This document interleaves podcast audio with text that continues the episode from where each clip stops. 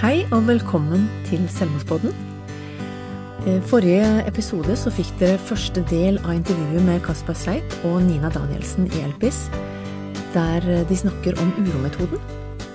Og i denne episoden her, før vi går videre til del to, der vi skal snakke om intervensjon og det å være sammen med mennesker som har selvmordstanker, så har vi lyst til å la dere få lov til å høre litt eh, hva Kasper Sleip sier om Uroskolen, som er et nytt prosjekt som de holder på å jobbe med.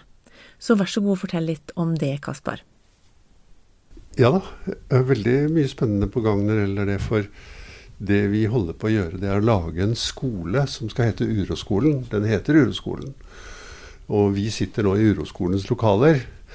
Og Uroskolen skal være en skole hvor vi lærer å være sammen med uroen.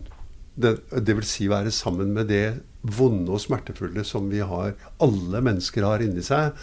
Og som noen mennesker er veldig flinke til å leve med, eller i hvert fall flinke til å kamuflere. Fordi de har det vi kaller eh, velfungerende strategier. Drikker passe mye, trener passe mye, spiser passe mye, alt mulig sånn. Jobber passe mye. Uh, mens andre mennesker er det vi kan kalle dysfunksjonelle mønstre for håndtering av uroen, som er drikker for mye, eller spiser for mye, eller trener for mye, eller jobber for mye. Men nå er jo jeg lærer, og dette er et ganske lite rom. Ja. Så det er liksom ikke 50 elever du skal ha inn her? Nei, men det går åtte. Ja, Så du tenker Ja. at her inne skal du ha flere enn én Men? Uroskolen er under oppbygging, og, og derfor så har vi Vi starter ikke med lokaler, vi starter med innhold. Og så får vi se hvordan vi gjør det, for, det, for dette er noe som begynner nå. Vi er så vidt i gang, og vi har en nettside som heter uroskolen.no, og som er under oppbygging, og man kan tegne seg på nyhetsbrev.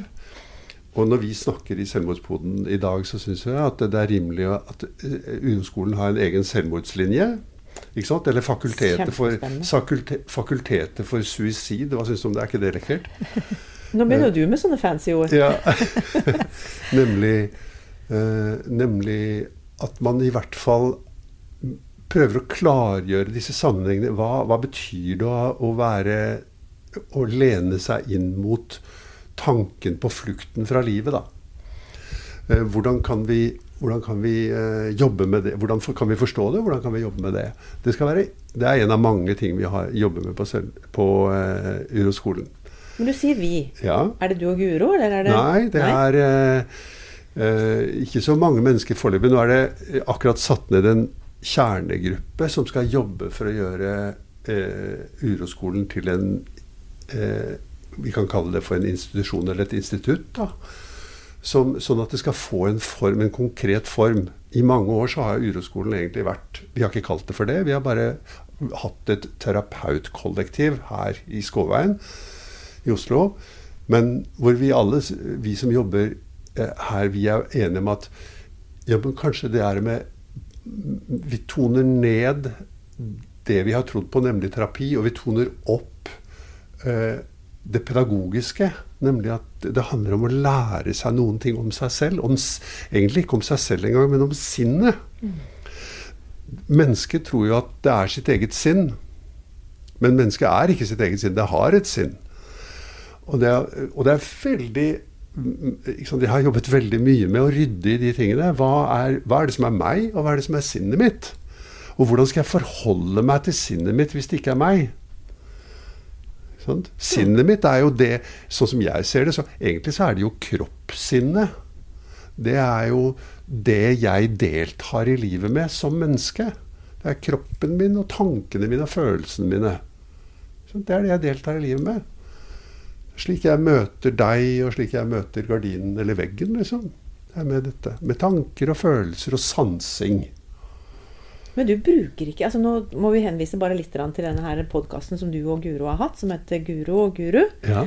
Og der kan, Jeg kan ikke huske at du har snakka om diagnose en eneste gang i disse her eh, jo, som jeg har hørt. Du skal jeg love deg at vi har snakket om diagnoser, og det ble masse da er det de som ikke jeg har hørt på, da. Det ble masse rabalder fordi at vi sa at diagnoser er jo bare tull. Det er bare noen ting som menneskene har funnet på for å prøve å lage orden i kaos.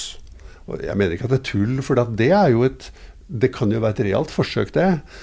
Men sær, altså, og hvis du tenker på innenfor det vi kaller for somatisk medisin, som høres ut som det er noe som er helt atskilt fra psykologisk eller psykiatrisk medisin, så er det jo helt opplagt at det er veldig lurt å diagnostisere et brukket ben eller en sprukken milt.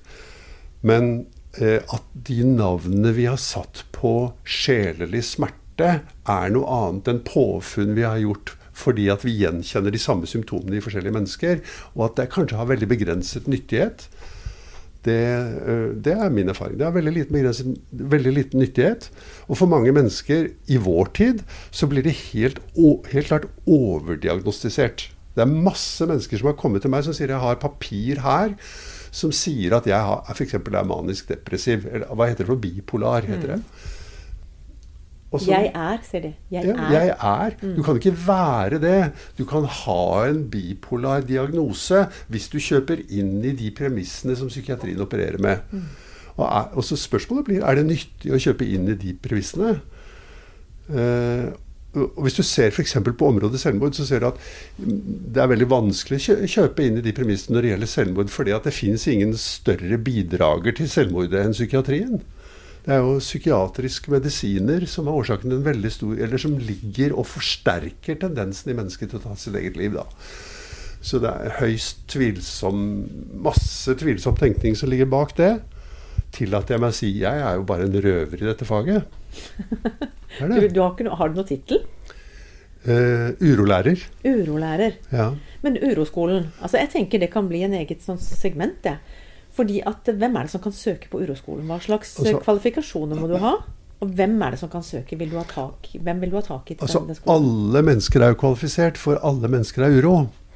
Så det, det, når folk kommer de, Av en eller annen grunn så har jeg blitt litt mer kjent, da.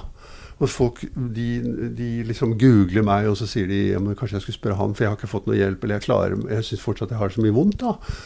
Og så kan jeg si til folk at eh, ja, men du kan komme til uroskolen, og så kan vi prøve å lære deg det du kan. Og så holder vi på å bygge opp det pedagogiske tilbudet, eh, vi som jobber med det. Så spennende, da. Mm. Så alt dette her kan folk finne når de kommer inn på den sida. Uroskolen.no. Ja, eh, forhåpentligvis kan de finne alt mulig der etter hvert. Foreløpig så er det ikke så veldig mye, men det er kontaktinformasjon til skolen. ikke sant? Og så mm. er det kontaktinformasjon til vi som jobber der. Eh, og så kommer tilbudene opp. F.eks. Nå skal du høre. I forrige uke så var jeg og en annen lærer på uroskolen Vi var én uke ute i naturen og levde i telt sammen med tolv klienter. Oi. Eller elever, kaller vi det. Ja. Og vi gikk altså turer i naturen og snakket sammen om hvordan vi har det da. Om disse tingene som for, om, Det var noen folk der som var, for hadde uro, som hadde selvmordstanker. Det var folk der som har ligget mange år i senga fordi de følte seg helt kraftløse. Og vi gikk altså Lengste dagsmarsjen vi gikk, den var på mellom 10 og 12 timer. Jeg tok ikke akkurat tida. What? Ja. Det er kjempelenge. Ja, det er kjempelenge. I veldig ulendt terreng. Og i veldig eh, Altså veldig enkle Enkle i betydningen eh, lite komfortable eh, forhold, da. Så det var et tilbud på Uroskolen som vi skal prøve å gjøre enten årlig eller halvårlig. Antagelig skal vi ha en ny runde i slutten av august. Det hørtes veldig veldig spennende ut. Syns ja. ikke du, Nina? Veldig spennende. Det var bare helt fantastisk. Jeg bare elsker å være ute i naturen, og, og jeg er vant til det. Og det, naturen ga så mye hjelp for alle som var med, til å se inn i sine egne ting. Så det er et veldig fint laboratorium å være i og se hvordan er det når du skal opp og ned og opp og ned og ut og inn av kratt og skogholt og det er myr og ditt og datt. ikke sant? Eh, og noen av de som var med, var absolutt ikke naturmennesker. Og de var kjempemodige folk. Og det var et menneske som var med, som hadde eh, dyp frykt for edderkopper. Eh, tenk deg å melde, på noe, melde, seg på noe sånt da. Og til å begynne med på turen frika helt ut når eh, han så en edderkopp. Og etter en uke så var det helt sånn skuldertrekk. Liksom. Det betydde ingenting. Mm. Men dette kaller ikke du for angsttrening eller eksponeringsterapi eller sånn? Nei, det er ikke terapi. Jeg kaller det for uh, Uroskolens vårvandring. Du har mange sånne fine titler. Okay, det, det, er jo veldig fint. Men det er deilig og frigjørende fra meg som har liksom på en måte gått og lært om disse her nå husker jeg ikke hva det heter for noe, men diagnosesystemene. da. Du skal ha så og så mange av hvert. her, skal, Da passer du inn i den boksen. Ja. Det er veldig veldig befriende å høre på deg, Kaspar. Ja, Så, så denne uroskolen det syns jeg fortjener en egen liten sekvens. Apropos befriende, da, så er det med ressurser ikke sant? Frihet, menneskets frihet, er en ressurs som alle mennesker kan få tilgang til, men som gjemmer seg bak uroen, gjemmer seg bak frykten, gjemmer seg bak skammen, gjemmer seg bak skyld. Det er lett å se at friheten gjemmer seg bak skammen, ikke sant? fordi at skammen får oss til å holde oss tilbake i livet. da. Og i vårt samfunn nå, nå penser jeg inn på noe nytt, da, men i vårt samfunn så går vi rundt og tror på at skam og skyld bør man ikke føle. Det er jo bare bullshit. Skam og skyld er, er en konsekvens av flere hundre tusen års evolusjon. Mennesket har skam og skyld. Det hører til det menneskelige. Og mennesket må lære seg å håndtere skam og skyld, istedenfor å tro at du har det bra når du ikke har skam og skyld. Skam og skyld er helt hverdagslige ting. Alle de menneskene som ikke kan føle skam og skyld, de er borte fra jordens overflate. Det er derfor vi, Det er evolusjonens gang. Skam og skyld får mennesket til å krympe og til å tilpasse seg. Og det har jo vært helt nødvendig. Det er bare nå det ikke er nødvendig lenger. Det er jo nødvendig nå også, men i mye mindre grad. Men er det ikke forskjell på det? Jeg har jo lært at eh, skyld er jo noe du føler, mens skam er noe du på en måte er. Altså du opplever en sånn dette Da er vi kanskje inne på et litt sånn skummelt tema da, å ta opp som en sånn stor Nei, dette er ikke noe skummelt tema i det hele tatt. Dette er jo eh, Både skam og skyld føler du i kroppen din som ubehag eller uro. Og det ene handler om eh, følelsen av å være feil, og det andre handler om følelsen av å gjøre feil. Ja. Eh, og det er følelser som de, de er jo ut Altså menneskene har levd i små grupper de, i de store skogene i verden. Med veldig veldig langt mellom de gruppene. Og det å bli utstøtt av en gruppe, det er gjengått med å dø. Derfor har det vært så viktig for oss for å høre til. Derfor er behovet for å høre til ekstremt stort i menneskene. Mye større enn i noen andre dyr vi vet om. Og, så, og, det, og, det, er de følelsene, skam og skyld, som får oss til å krympe og bli sånn som flokken krever av oss. Hvis vi går utenfor det Derfor er det sånn. Jeg, de følelser, vi går rundt og tror at skam og skyld er følelser vi får når vi har gjort noe galt, eller når vi er feil.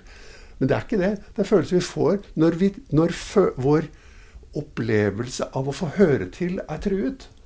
Mm. Det er det som de følelsene egentlig uttrykker.